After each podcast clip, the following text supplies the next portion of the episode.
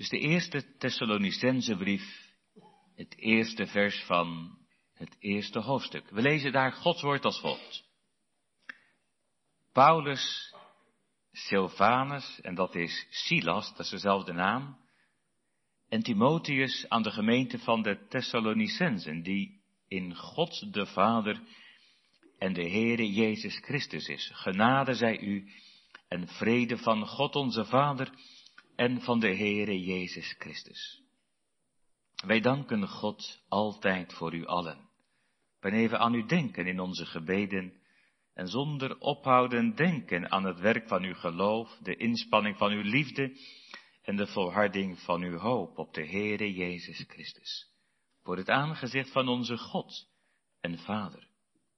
Wij weten immers, geliefde broeders, van uw verkiezing door God. Want ons evangelie is niet alleen met woorden tot u gekomen, maar ook met kracht en met de Heilige Geest en met volle zekerheid. U weet immers hoe wij in uw midden geweest zijn ter wille van u. Ook bent u navolgers geworden van ons en van de Heere, toen u het woord aannam te midden van veel verdrukking, met blijdschap van de Heilige Geest. Zodat u voorbeelden geworden bent voor alle gelovigen in Macedonië en in Achaia. Want van u uit heeft het woord van de Heere luid geklonken, niet alleen in Macedonië en Achaia, maar ook in alle plaatsen heeft uw geloof in God zich verspreid, zodat het niet nodig is dat wij iets daarvan zeggen. Want ze zelf vermelden over ons hoezeer wij ingang bij u gekregen hebben en hoe u zich van de afgoden tot God bekeerd hebt om de levende en waarachtige God te dienen en zijn zoon uit de hemelen te verwachten, die hij uit de doden heeft opgewekt, namelijk Jezus, die ons verlost van de komende toorn. De tekst voor de preek is vooral het laatste stukje. Eigenlijk zijn er heel wat versen waarover gepreekt zou kunnen worden, maar ik probeer toch één, misschien twee keer per hoofdstuk te preken, dat het niet al te lang allemaal gaat duren. En dan is de kerntekst het laatste stukje vanaf vers 9, want zij vermelden zelf over ons hoezeer we ingang bij u gekregen hebben. En dan vooral wat er dan komt, hoe u zich van de afgoden tot God bekeerd hebt, om de levende en waarachtige God te dienen en zijn zoon uit de hemelen te verwachten, die hij uit de doden heeft opgewekt, namelijk Jezus, die ons verlost van de komende toorn. Het thema voor de preek is levend geloof. En soms kun je een tekst kiezen om zo'n hele tekst als het ware uit te benen. Vanmorgen wil ik dat toch wat anders doen. Het is meer een kerntekst van de preek, maar ik moet ook wat vertellen van de achtergrond van die brief. En ook in dat stukje daarvoor, heel dat verband waarin die woorden staan.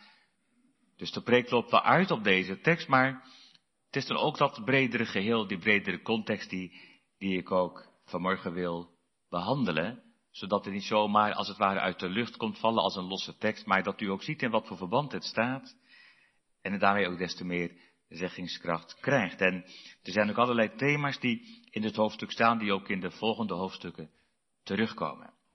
Levend geloof. Dat is het thema voor de preek. En jongens en meisjes, dat is meteen natuurlijk weer de eerste vraag in je kerkboekje. Een levend geloof.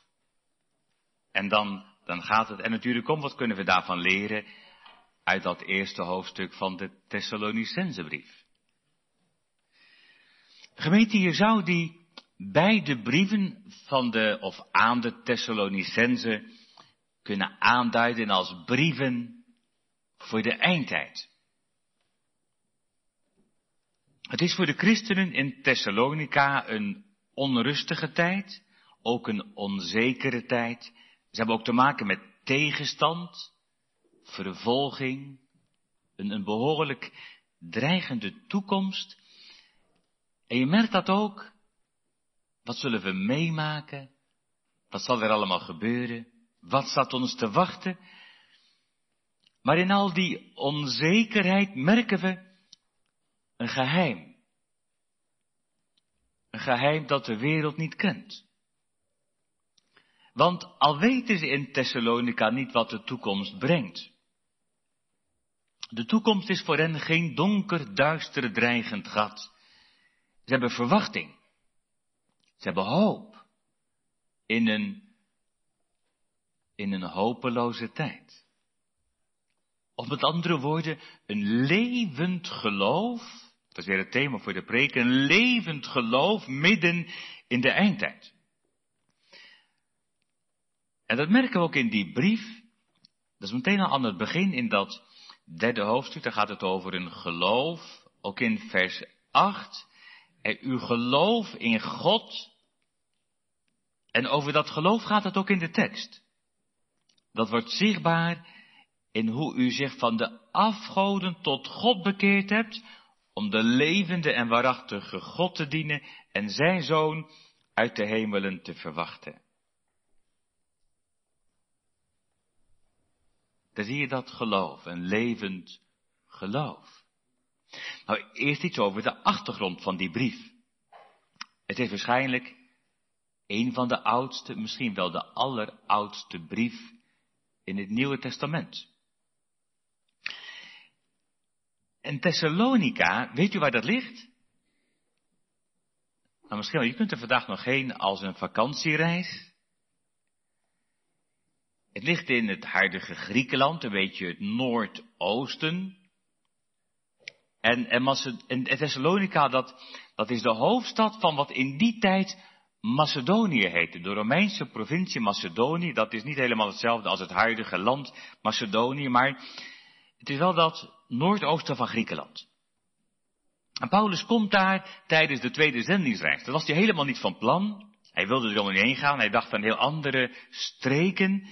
Maar al die deuren gaan dicht, zijn plannen worden gedwarsboomd.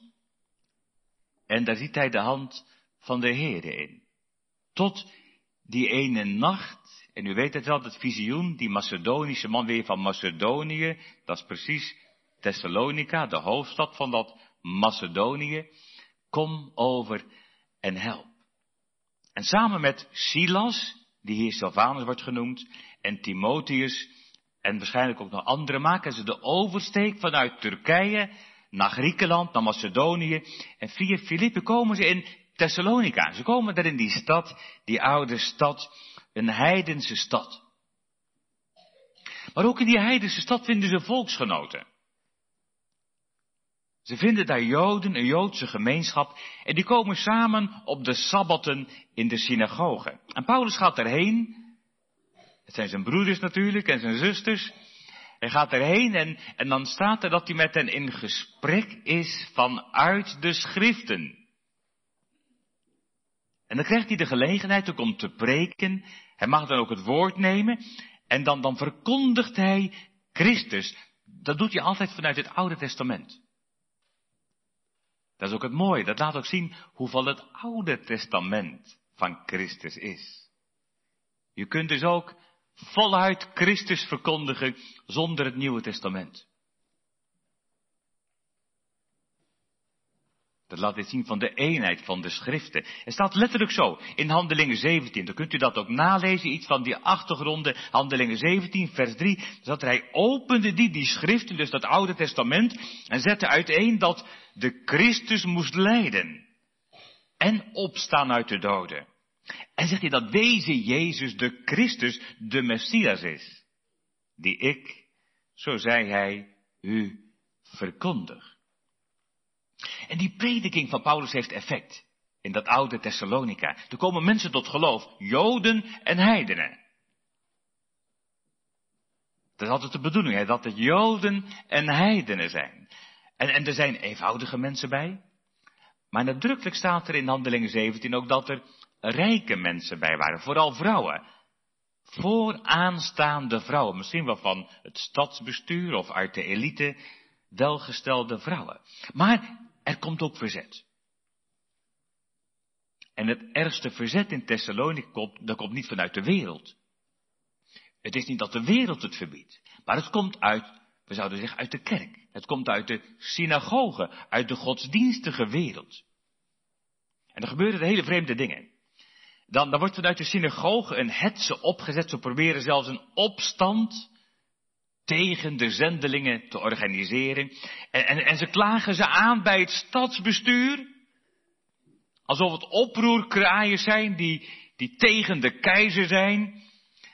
En dat is allemaal onterecht. Maar de namen van Paulus en Silas en Timotheus komen negatief in het nieuws. En dat ging misschien niet zo snel als met de huidige sociale media, maar ondertussen ging het razendsnel negatief in het nieuws, als, als christenen. En wat kan dat veel kapot maken? En, en uiteindelijk loopt het er zo uit de hand dat het niet verantwoord is voor Paulus en zijn metgezellen om in Thessalonica te blijven. Ze moeten vluchten. En ondertussen blijft die kleine, kwetsbare gemeente achter in Thessalonica. En dan denk je, hoe zal het met ze gaan? Zullen ze getrouw blijven? En zullen ze volharden? Want er waren heel veel verleidingen. Verleidingen van de stad, drank. Drugs in oude vormen. Goddeloze feesten. Ophitsende muziek. Bordelen. Een leefklimaat waarin totaal geen plaats voor God is. Een omgeving waar, waar je vaak alleen staat als je werkelijk christen wilt zijn en durft te zijn. In plaats van met alle winden mee te waaien. Hoe zullen de jongeren reageren in Thessalonica? Zullen ze staande blijven? En zullen de ouderen het goede voorbeeld geven? En dan die vijandschap vanuit de synagoge. In de synagoge geven ze niks voor dat geloof van Paulus en zijn metgezellen. Ze vinden het oppervlakkig en ze vinden het gevaarlijk, alsof je in de hemel kunt komen zonder dat je de Joodse voorschriften houdt, zonder dat je besneden bent. Alsof je zomaar op kosten van een ander, van die Jezus uit Nazareth, alleen maar door het geloof in Christus gered wordt. Eigenlijk is dat hetzelfde geding als in de Reformatie. Ook daar ging het om het evangelie van vrije genade.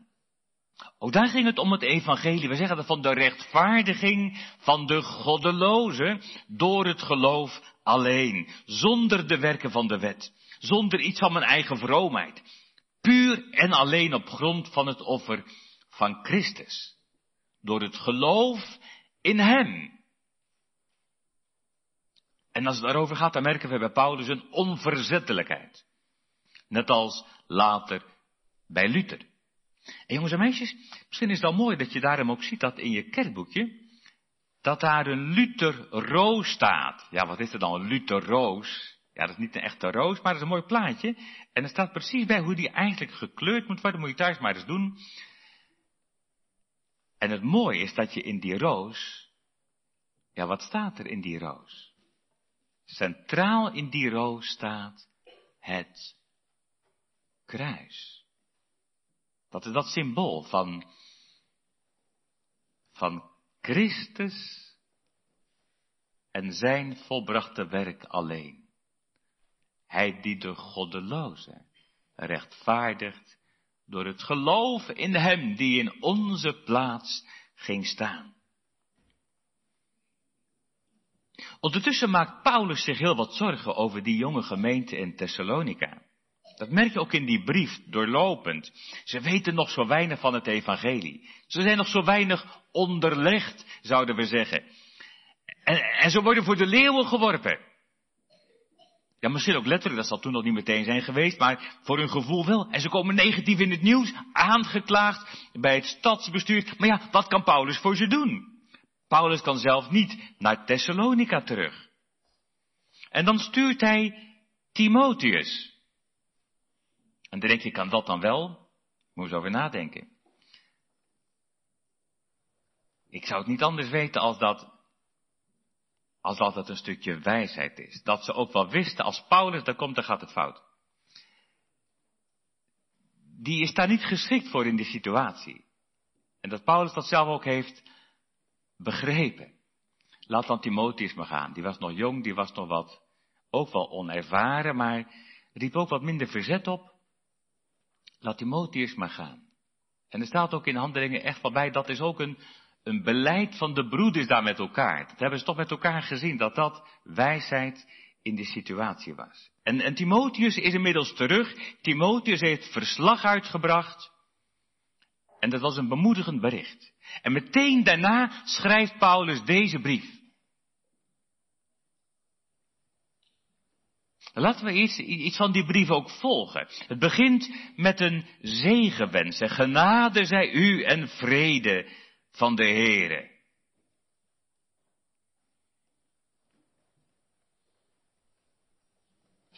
En meteen daarna dankt hij de Heere voor de gemeente in Thessalonica. Dat is ook een voorbeeld voor ons om te danken. Dat we mogen danken, ook voor Gods werk hier, in de Vredeskerk. Paulus noemt hun geloof, hun liefde en hun hoop. Daar een hele mooie symbolen van. Die staan ook in het kinderboekje. Jongens en meisjes, kijk maar. Wat is het symbool van het geloof? Dat is het kruis. Wat is het symbool van de hoop? Dat is dat anker. Dat anker dat hecht. Om het schip vast te leggen. En wat is het symbool van de liefde? Nou, dat hoef ik niet te vertellen. Dat is, dat is dat hart. Daar dankt hij voor. In vers 8 zegt hij het in één woord. Uw geloof in God. En dat, dat is dat geloof dat zichtbaar wordt in die hoop op God, in dat anker. En die zichtbaar wordt in de liefde tot God. Dat is dat hartje. Dat is het geloof dat het verwacht van Hem. Kortom, dat is een levend geloof. Een levend geloof leeft in de liefde, leeft in de hoop. Let wel, daar dankt hij God voor.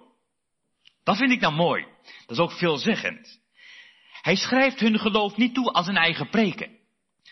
Of als een eigen welsprekendheid, of zijn, of, of zijn overtuigingskracht. Ook niet als zijn eigen, weet ik allemaal niet wat.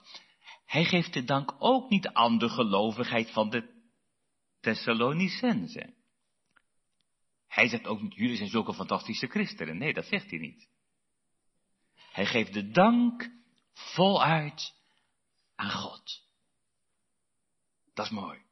Want het geloof is een gave van God, toch? Of dacht u dat we dat zelf wel produceren? Het is een gave van God, zegt het woord. Je wordt er helemaal bij betrokken. Je wordt met huid en haar erbij betrokken. Het vraagt al je inspanning, is allemaal waar. Maar een levend geloof is en blijft het werk van de Heilige Geest. Als je tot geloof komt, dan leer je dat vroeg of laat. Dat je God de eer geeft. En als een ander tot geloof komt, dan, dan geef je God de eer. Want anders deugt het niet. Want het geloof is aan God te danken. Ik moest in dat verband ook denken aan iets wat Volker van de Beek vertelde. Die vertelde toen ze, vlak voordat ze wegging, toen zei ze dat er juist tijdens haar verlof mensen tot geloof waren gekomen. En zelfs waren gedoopt. Dat is natuurlijk geweldig, maar dan denk je als mensen gauw, ja, maar waarom is het dan net als ik er niet bij ben? Heeft de Heere God me dan niet nodig? Nou, dat is eigenlijk in het koninkrijk van God altijd wel weer, dat, dat de Heere laat zien, het is echt niet van jou afhankelijk. En toch, toch wordt ook volk alweer voluit ingeschakeld in Bulgarije. En, en worden ook hier mensen ingeschakeld. Maar maar het is altijd Gode zij dank. En dat het geloof aan God te danken is, laat de apostel hier nog op een andere manier merken. Lees maar mee. Hij spreekt in vers 4 over uw verkiezing door God. Eigenlijk zegt de apostel, ja, je kunt wel denken dat jullie voor God hebben gekozen, maar, maar voordat jullie voor God hebben gekozen, heeft de Heer voor jullie gekozen. Voordat er iets van geloof in jullie was, heeft de Heere aan jullie gedacht. En voordat jullie naar God vroegen, heeft Hij al naar jullie gevraagd. De Heere is jullie allang voor geweest. De Heere is een kerk een eeuwigheid voor. Nou, die uitverkiezing is in de praktijk nog eens een struikelblok. En van de weeromzijde zijn de mensen die zeggen, daar moet je het maar niet over hebben. Maar ja, dan moeten we gaan strepen in de Bijbel. Zo van, laten we het er maar uitscheuren. Of doorstrepen. Maar dat gaan we niet doen vanmorgen. De uitverkiezing is een voluit bijbelse zaak en daarom zal het ook aan de orde komen. Maar, maar je hebt natuurlijk ook dat mensen zeggen, nou ja, dan, dan, dan, dan moet je zeker maar afwachten of je uitverkoren bent. Nou, dat vind ik nergens in de Bijbel. Bijbels gezien is de uitverkiezing een bron van troost. De uitverkiezing betekent niet dat de Heer de deur dicht doet, maar dat Hij de dichte deur opent. De uitverkiezing betekent dat Hij het initiatief neemt omdat Hij weet dat wij dat zelf nooit zouden doen. En dat is ook verootmoedigend. De uitverkiezing heeft altijd iets onverteerbaars voor ons. Omdat wij dan moeten erkennen dat het uit mij niet komt. En dat ik uit mezelf helemaal niet om God geef. En dat ik uit mezelf helemaal niet naar God zal vragen. En ook niet voor God zal kiezen. Dat het geloof niet uit mijzelf komt. En, en het betekent ook dat ik tegen de Heeren moet erkennen, ik heb er geen recht op. Als er u, als u mij voorbij gaan, dan kan ik u niks verwijten. Nou, dat is niet leuk om te horen. Maar dat is wel waar. Want ik moet erkennen, als u mij niet kiest, dan kies ik u nooit. Maar tegelijk geeft die uitverkiezing hoop. Want de God die verkiest, laat ons weten dat Hij niet wil dat wij verloren blijven, maar dat we worden gered. En die uitverkiezing garandeert ons dat de Heer doorgaat met zijn werk tot de laatste dag. En dat niets en niemand hem zullen tegenhouden. En hoe koppig je ook bent, hoe dwars je ook bent, hoe ongelovig of onverschillig je ook bent. De Heere God, die weet waar raad met je. Ja, maar heeft hij mij wel uitverkoren dan? Wil hij mij wel? Dan kun je wel eens denken, wil hij mij wel? Ik heb het niet verdiend. Maar als je dat wilt weten, luister naar zo'n woord. Je zou kunnen zeggen, die uitverkiezing laat ons zien dat God ons niets verplicht is. Maar dan zeg ik een komma. Hij is ons niets verplicht behalve. Hij is ons niets verplicht behalve wat hij ons belooft is een woord. Je zou kunnen zeggen, de Heere legt zichzelf vast in zijn belofte. Hij is ons niets verplicht behalve wat hij ons belooft is een woord. Wat zegt hij dan? Dat je maar moet afwachten? Nee toch? Hij verklaart je zijn liefde. Als die vader in die gelijkenis. Die op je wacht met open armen. Hij heeft nog nooit iemand die tot hem kwam vluchten. Weggestuurd. Toch? Kom herwaarts tot mij, zegt de Heer Jezus. Allen die vermoeid en belast bent. Ik zal u rust geven. Nou, dat hebben ze gedaan in Thessalonica. Ze zijn gekomen en ze hebben geloofd. Een levend geloof in Christus. Ze hebben hem lief gekregen. Daar dankt de apostel voor. En tegelijk blijft hij voor hen bidden. Hij zegt niet, nou ja, het is Gods werk, dus dat, dat we maar aan God over. We zullen, nee, hij blijft voor ze bidden. Je merkt die betrokkenheid op de gemeente. En tegelijk heeft het ook iets kinderlijk eenvoudigs. Want waarom zou je bidden? Nou, dan merk je iets van de afhankelijkheid van God. Dan merk je dat Paulus zich wel inspant voor die gemeente, maar dat je weet, daar hangt het niet vanaf. En dat het geheim niet ligt in zijn plannen. Al maakt hij wel plannen. En goede plannen ook. En, Paulus doet wat hij kan. Maar hij verwacht het van de Heer.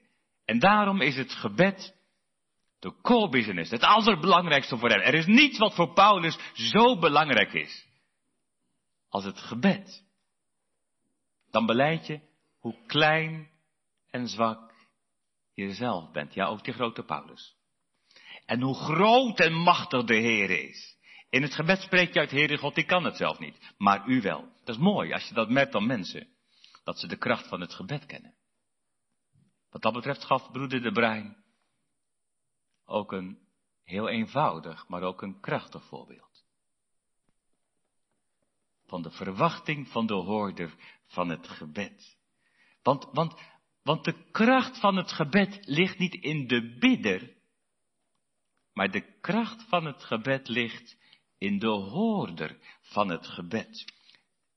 In, in hem die, die bij machten is boven bidden en denken te verhoren. Daarom kun je het gebed met recht het belangrijkste werk in de kerk noemen.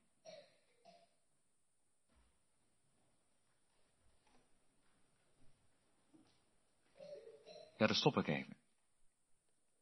Want dat wil ik dat u in ieder geval niet vergeet. Dat het gebed in de kerk het belangrijkste werk is. Ga er maar eens na hoe belangrijk dat belangrijkste werk voor u is. En als de apostel bidt en dankt voor die gemeente in Thessalonica, dan richt hij zich vooral op het geloof. Dat is ook weer merkwaardig. Hè? Er zal best van alles aan activiteiten zijn geweest. Die zijn er bij ons ook heel wat. Maar, maar waar hij zich op concentreert, is niet alles wat we doen met elkaar. Maar op, op, dat, op dat geloof. Dat, dat levende geloof. Dat leeft in de liefde tot Christus en tot elkaar. Dat geloof dat vlucht tot Christus. En dat hoopt op Christus. En dat zich toevertrouwt aan Hem. En dat is bijbels gezien altijd een relatie.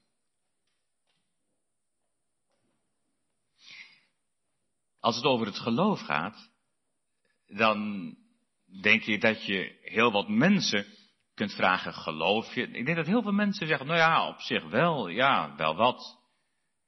En ook mensen die nooit in de kerk komen, die zullen vaak toch nog wel iets zeggen, er zal wel iets zijn. De echte steile atheïsten zijn er natuurlijk wel. En die roeren zich vaak veel in de media. Maar de gewone man of vrouw zegt vaak, er zal toch wel iets zijn. Er zal misschien wel een God zijn. Ja, geloof je? Nou ja, ja, waarom eigenlijk niet? Maar zulk geloof, dat voelt u wel aan, dat, dat zegt nog niet zoveel dan zegt de Bijbel heel radicaal, ja, dat gelooft de duivel ook wel. De duivel gelooft ook wel dat er een God is. En de duivel siddert nog voor God, staat er dan, Jacobus 2 vers 19. Maar wat, wat, wat, ontbreekt er aan bij de duivel? Wat is er bij de duivel aan de hand? Die heeft God niet lief en die hoopt niet op God, maar die haat God. En daarom noemt de apostel het geloof hier samen met de liefde. En met de hoop. Dat hebben we gezien in de derde vers, hè. Daar gaat dat met die drie samen. Geloof, maar dat gaat samen met die liefde en met de hoop. Dat is een levend geloof. Dat de Heer lief heeft en dat hoopt op hem. Dat is een, een relatie met God. En omdat het om die relatie gaat, lezen we in de tekst ook dat het gaat over bekering. Lees maar mee hoe u zich van de afgoden bekeerd hebt, om de levende en de waarachtige God te dienen.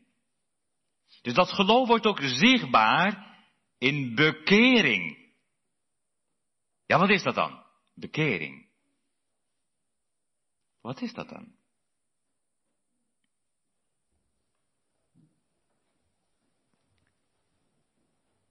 Soms denken mensen dat is iets wat in één keer gebeurt en dan is het allemaal klaar. Maar het Griekse woord betekent eigenlijk heel eenvoudig een radicale omkeer. Een verandering van richting. Een omkering van 180 graden.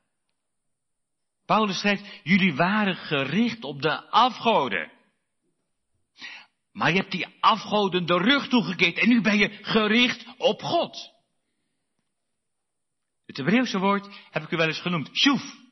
Omkeren. Rechtsomkeer. Terug naar God. Waar we uit onszelf allemaal met de rug naar God toestaan. Is bekering terug naar God. Niet met de rug naar God, maar terug naar God. Om Hem te dienen en Hem lief te hebben, gericht op Hem. En dat betekent dat je de afgoden de rug toekeert. Zo staat het in de tekst.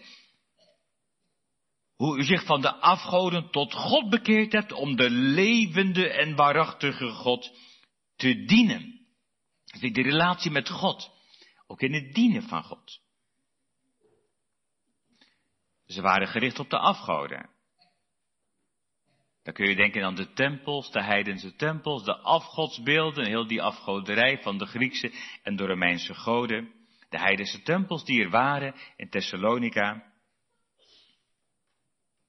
Maar we hebben al gezien dat een deel van die gemeente ook komt uit de synagoge. Dat waren, om zo te zeggen, doorgewinterde kerkgangers. Dat waren mensen die bogen niet voor de letterlijke beelden.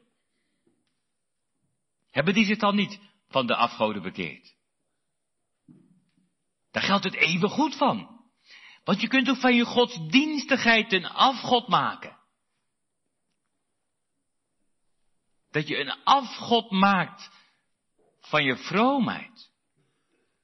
Van alles wat je doet voor God. Van je bidden en je Bijbel lezen en alles erbij. Dat je er een afgod van maakt, dat je vertrouwt op alles wat je doet voor God.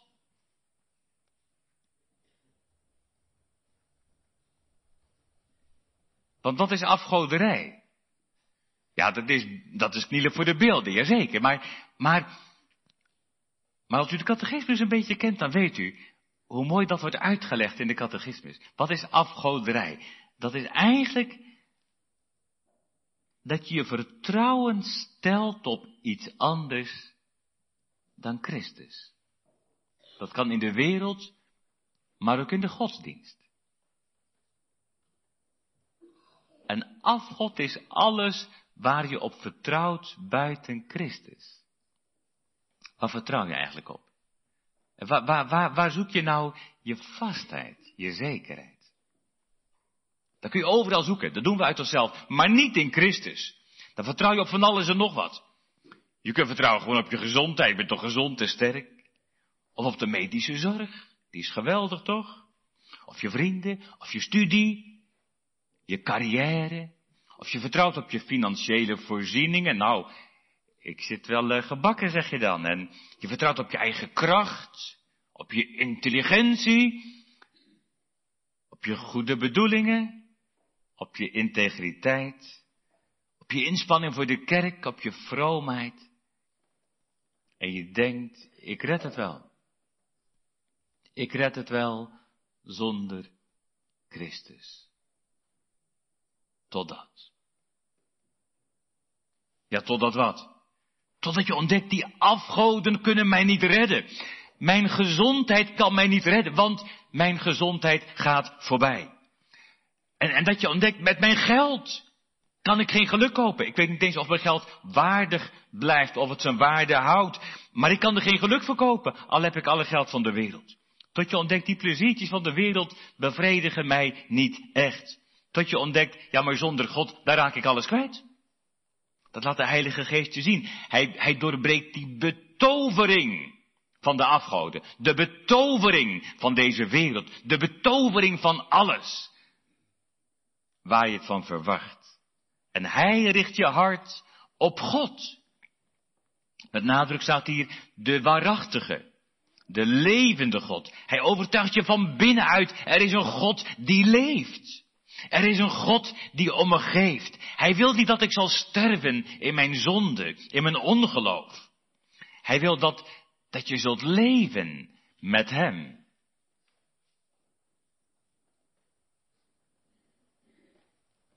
Ja, hoe weet ik dan dat God dat wil?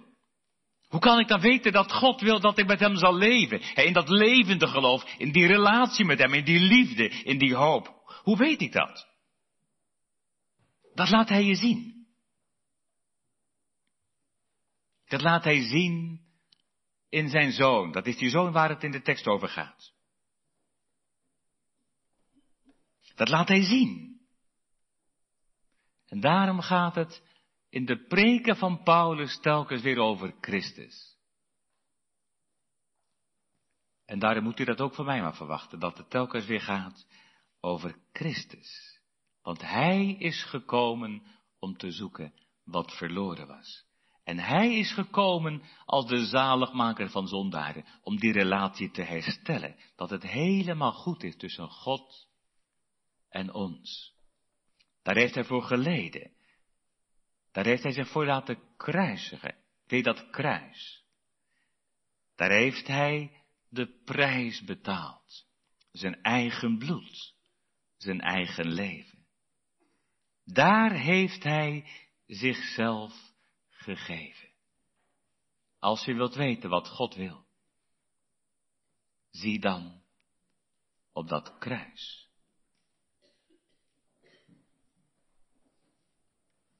Waarom dat kruis? Nou, laat ik het zeggen met de woorden van de tekst. Om ons te verlossen van de toekomende toren.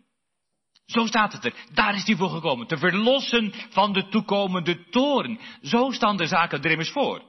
Zonder Jezus zijn wij op weg. Ja, waarheen? Naar de toekomende toren. Dat staat hier. Zonder Jezus de toekomende toen. Of ja, zeg je, nou ja, dat zal zo'n vaart niet lopen. In de wereld halen ze de schouders op. Ja, dat kun je wel denken, maar. En ondertussen, ondertussen moet je nagaan. Wat heeft de wereld eigenlijk voor toekomstverwachting? De wereld heeft weinig positieve verwachting van de toekomst.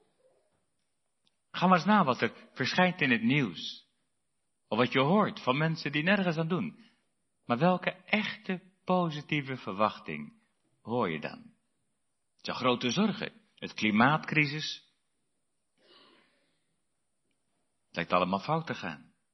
En er worden telkens nieuwe rampen in het vooruitzicht gesteld. En er is een continue dreiging voor nieuwe virussen, of nog gevaarlijker bacteriën.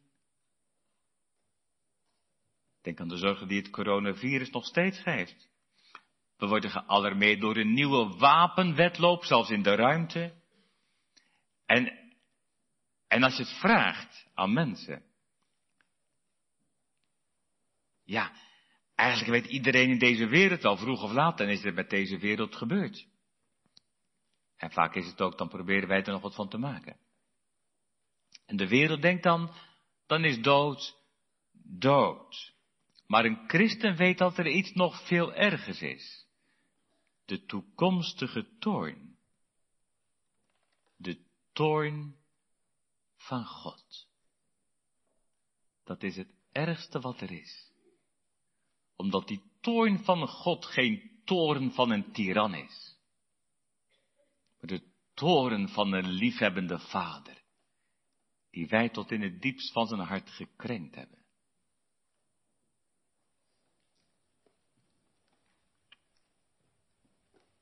En toch heeft een christen hoop. Een hoop die de wereld niet kent. Een christen mag verwachting hebben midden in de eindtijd. Want voor een christen is de toekomst geen donker dreigend gat.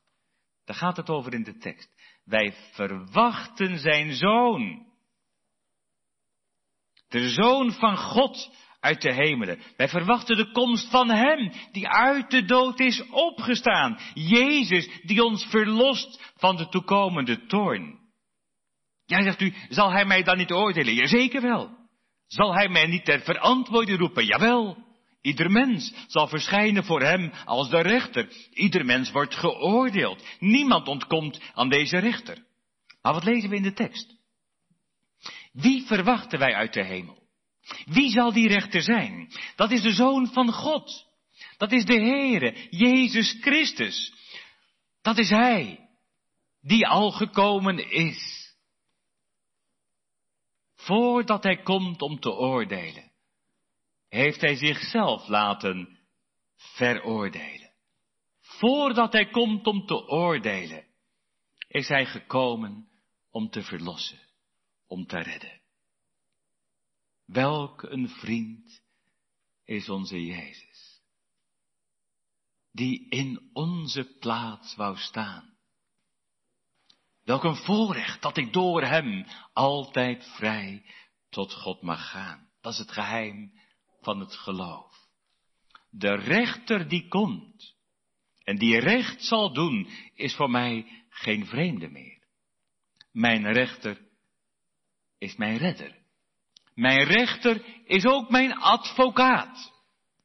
Dat kan in het normale niet, maar bij de Heer Jezus is het waar.